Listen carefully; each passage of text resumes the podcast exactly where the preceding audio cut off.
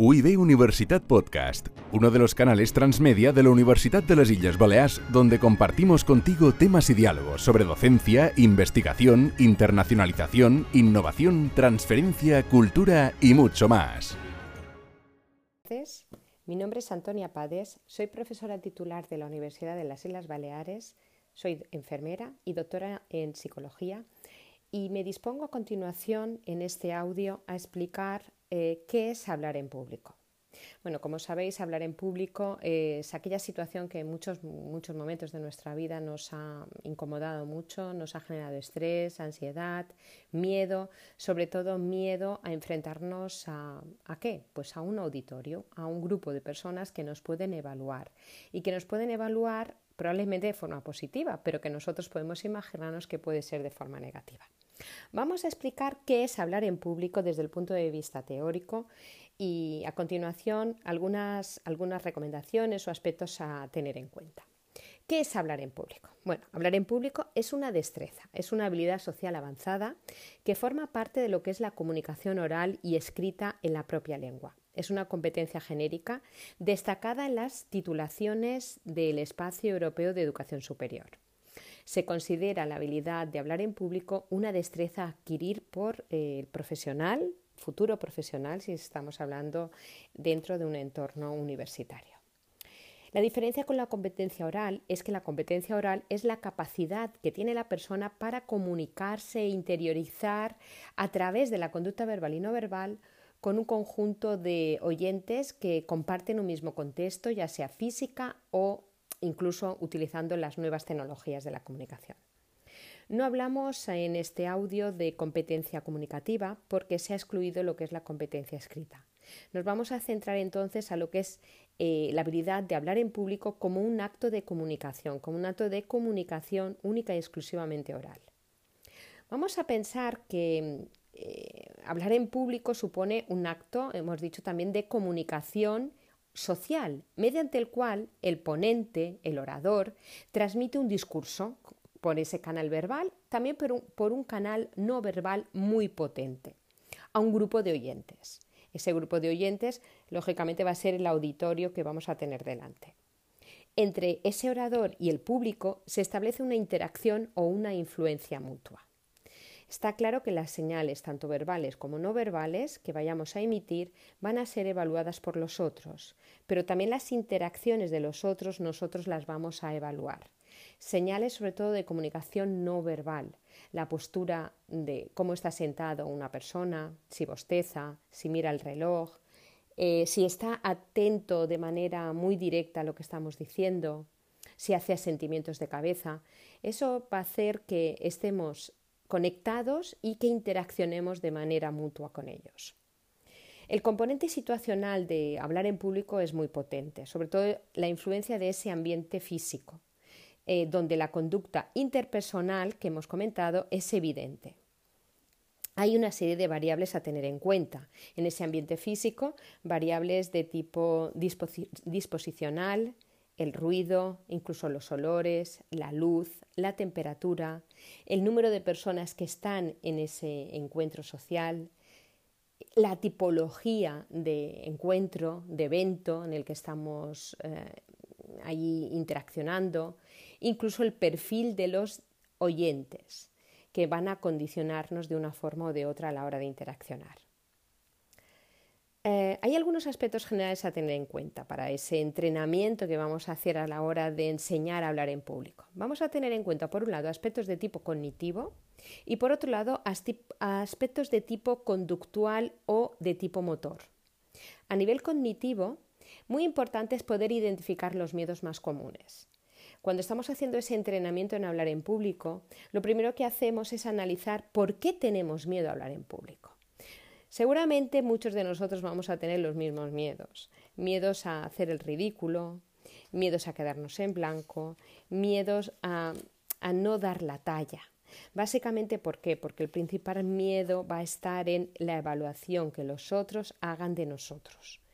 Eh, se va a producir un fenómeno. Hay un fenómeno que se denomina eh, ilusión por, transparencia y es un fenómeno en el que el orador lo que hace es que se centra mucho en sus respuestas psicofisiológicas, muy parecidas a la ansiedad, está muy pendiente de esa frecuencia cardíaca alta, la frecuencia respiratoria, el sudor, el calor, la sudoración de manos, quizá el temblor de voz y todo ello lo va a percibir de manera maximizada, por decirlo de alguna forma. Pero solamente lo va a ser, él el que siente, eh, va a sentir ese, ese fenómeno o esa situación. Y además va a pensar que los demás van a notar que él está nervioso. Eso, lógicamente, como pensamiento también nos va a generar muchísimo más nivel de ansiedad en relación a lo que estamos sintiendo. Se puede decir entonces que estamos maximizando y estamos muy focalizados y muy centrados en esas respuestas psicofisiológicas. Para combatir todos estos pensamientos negativos que antes hemos comentado, como puede ser eh, voy a hacer el ridículo, me voy a quedar en blanco, yo no sirvo para esto, el corazón me va a mil, una de las cosas que se recomienda es las propias autoinstrucciones verbales. Es decir, serán aquellos elementos que nosotros podemos tener como autoinstrucciones que nos vamos a decir a nosotros mismos para el autocontrol emocional y vamos a acompañarlo también de una respiración controlada, una respiración consciente, abdominal, en la que unida a esa autoinstrucción verbal en la que me digo a mí mismo, tranquilo, cálmate, todo va a salir bien, te lo has preparado, no es tan terrible como tú te imaginas. Seguramente todo ello nos va a ayudar y va a ser de gran ayuda para combatir la ansiedad. ¿Qué son las autoinstrucciones verbales? Bueno, pues el entrenamiento en autoinstrucción verbal es una técnica de tipo cognitivo que lo que pretende es cambiar también el comportamiento, va muy dirigido a modificar los pensamientos o ese diálogo interno que puede ser negativo y que la persona a veces realiza ante una tarea, ante un problema. Entonces lo que se pretende es sustituirla por otros, por otras autoinstrucciones verbales, por otras, eh, otros mensajes verbales más sutiles y más útiles para dicha tarea. El procedimiento de autoinstrucciones consta de cinco pasos. Primero, eh, lo que se pretende ante la tarea es hablarte a ti mismo, puede ser en voz alta o bien de manera interna, sobre lo que estás haciendo. Mm, las instrucciones a nivel motor y a nivel conductual pueden eh, llevarse a cabo en diferentes momentos. Antes de la intervención, es decir, antes de la exposición al auditorium, durante la exposición y después. Antes de la exposición es muy importante preguntarnos por las necesidades. ¿Por qué y para qué debo dar yo esta charla? ¿A quién va dirigida? ¿Cómo es el lugar? ¿Dónde se va a producir? Las características del auditorio, sobre todo, qué necesidades tiene. Preparar muy bien el contenido a nivel verbal y a nivel no verbal, el mensaje verbal. Y conocer de lo que voy a hablar. Es decir, tengo que prepararme lógicamente el contenido y prepararme muy bien el discurso. Preparar, preparar y preparar. Eso es una de las eh, cuestiones más importantes en esta tarea. Para la dicción se aconseja leer en voz alta. Uno de los ejercicios que vamos a practicar va a ser escoger lecturas, que pueden ser primero cortitas y luego mucho más largas, y hacer una dicción exagerada, por decirlo de alguna manera, pero eh, os aconsejo que leáis en voz alta y que, bueno, que podáis también escoger lecturas que sean amenas, que sean divertidas, ya os digo, primero cortas, luego un poquito más largas, mm, de tal forma que podamos practicar hablar en público y disfrutar con esa dicción. Para poder también mover la lengua, otro de los ejercicios que podemos realizar es soplar globos o hacer trabalenguas. Mover la lengua de lado a lado dentro de la boca también sería conveniente para poder mover la lengua. Calentar las cuerdas vocales y cuidar mucho los cambios bruscos de temperatura. Importante, se aconseja llevar un pañuelo en el cuello, a veces eh, utilizar solo la, beber agua natural, agua que no sea ni muy caliente ni muy fría y cuidar muy bien los cambios de temperatura. Esto serían un poco las recomendaciones previas a lo que es la exposición. Durante la exposición vamos a recordar algunos detalles. Importante, iniciar la exposición conectando con la emoción, con la audiencia. Para ello, yo os diría que cuidáramos algunos aspectos, sobre todo, por ejemplo, la apariencia personal. ¿Cómo entro en escena?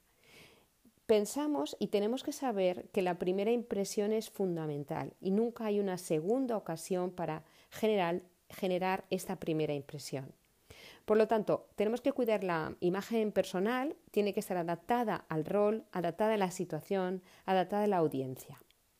También es muy importante eh, entrar con una sonrisa y también súper importante, los cinco minutos iniciales en esa introducción debe ser algo impactante, sorprendente, que apele a la emoción, usar una anécdota, una autorrevelación, contar algo de nosotros mismos. Eh, importante, ya os vuelvo a decir, la sonrisa, la mirada a todo el público, evitar mirar al papel, mirar a las diapositivas que llevemos, es decir, nunca girar la espalda al auditorio y mantener la mirada en lo que se denomina la técnica del faro. ¿Qué es la técnica del faro? Bueno, pues es intentar mirar a todo el auditorio. Para ello vamos a empezar desde la izquierda hacia la derecha y vamos a hacer ese barrido con la mirada, tipo pues lo que hace un faro con la luz. Los movimientos de nuestro cuerpo no deben ser muy bruscos tenemos que controlar esos movimientos, mm, no hacer paseillos innecesarios, pero sí tampoco el estar estático, pues eh, a veces resulta un tanto incómodo. Nos podemos mover, eh, poner, bueno, pues podernos mover en el escenario, pero en el caso de que tuviéramos que estar estáticos, os recomiendo que tengáis el cuerpo erguido, los brazos en jarra, evitarlo, no cerrar los puños, poner las piernas paralelas, Mostrar incluso en ocasiones una postura inclinada, si es, si es preciso, hacia la audiencia puede resultar bastante, eh, bueno, bastante aconsejable para nuestra, nuestra, captar nuestra atención. Cuidado con el micrófono. A veces el micrófono nos puede producir pues, una distorsión en el sonido y puede ser un tanto desagradable para el oyente. También con el atril, no te agarras a él, el agarrarse al atril como si estuviéramos eh, llevando, no sé, pues un patinete eléctrico, no sería muy aconsejable. Muestra las manos de vez en cuando. Parece ser que el mostrar las manos significa sinceridad.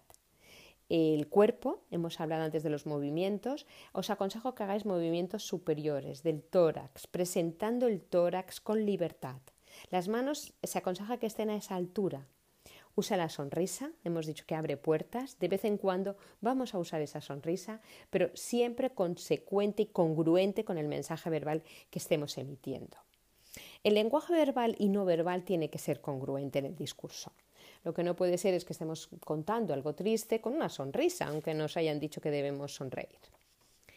El lenguaje tiene que ser un lenguaje adecuado, alto y claro se aconseja lo que se denomina las tres Cs, que sea concreto, que sea claro, que sea conciso. Para ello es muy importante preparar el contenido verbal, evitar memorizarlo, porque no es un libro y no tenemos que ser como un loro que repite, sino que tenemos que ser naturales y tenemos que intentar buscar nuestro lenguaje, adaptarlo y, claro, este lenguaje también lógicamente tiene que estar adaptado a nuestro auditorio. Tenemos que convencer, tenemos que demostrar seguridad en nuestros argumentos. A veces también es muy aconsejable usar el silencio, el silencio funcional, para despertar interés en, en, lo que viene a continuación. Ten confianza en ti mismo, tienes que ser natural, debes ser tú mismo. Volvemos a repetir la importancia de respirar suavemente por la nariz, contener esa respiración en los pulmones, dejarlo cinco segundos expulsar el aire por la boca, otros 5 segundos. Intentar controlar tu ritmo de respiración. La respiración controlada es fundamental también para controlar las emociones y esa ansiedad que puede despertar el hecho de estar hablando en público. Debes ensayar varias veces esa respiración controlada previamente en casa y luego ya verás cómo vas a ir regulando, vas a poder regular la ansiedad. Otra de las cosas que durante el encuentro puede ser aconsejable es una visualización en positivo. ¿Qué significa? Imagínate el éxito de tu exposición. Imagínate a la audiencia que está aplaudiéndote. Mm, piensa en positivo, verás que, que vas a disfrutar de este momento. Usa el tono de voz huyendo de la monotonía. Para ello, muy importante hacer subidas y bajadas en ese tono de voz y el tono de voz va a reflejar nuestro entusiasmo. Importantísimo, subir a los graves y dejar a los agudos de lado. Aunque preferentemente el grave mm, parece ser que es muchísimo mm, más insonoro, pero os diré que el grave va a convencer más que el agudo. Hemos dicho que el tono, importante igual que el volumen, subir y bajar, y cuando quieras decir algo interesante, disminuye el ritmo, la velocidad. El volumen tiene que ser un volumen audible. Evita gritar. Si te bloqueas, no pasa nada. Somos humanos. También evita las muletillas del tipo e, e, vale, vale, ¿Por qué? Porque van a denotar que estamos ansiosos.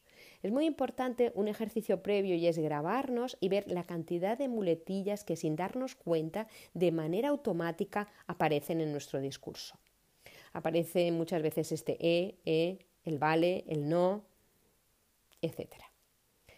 Gestos con las manos.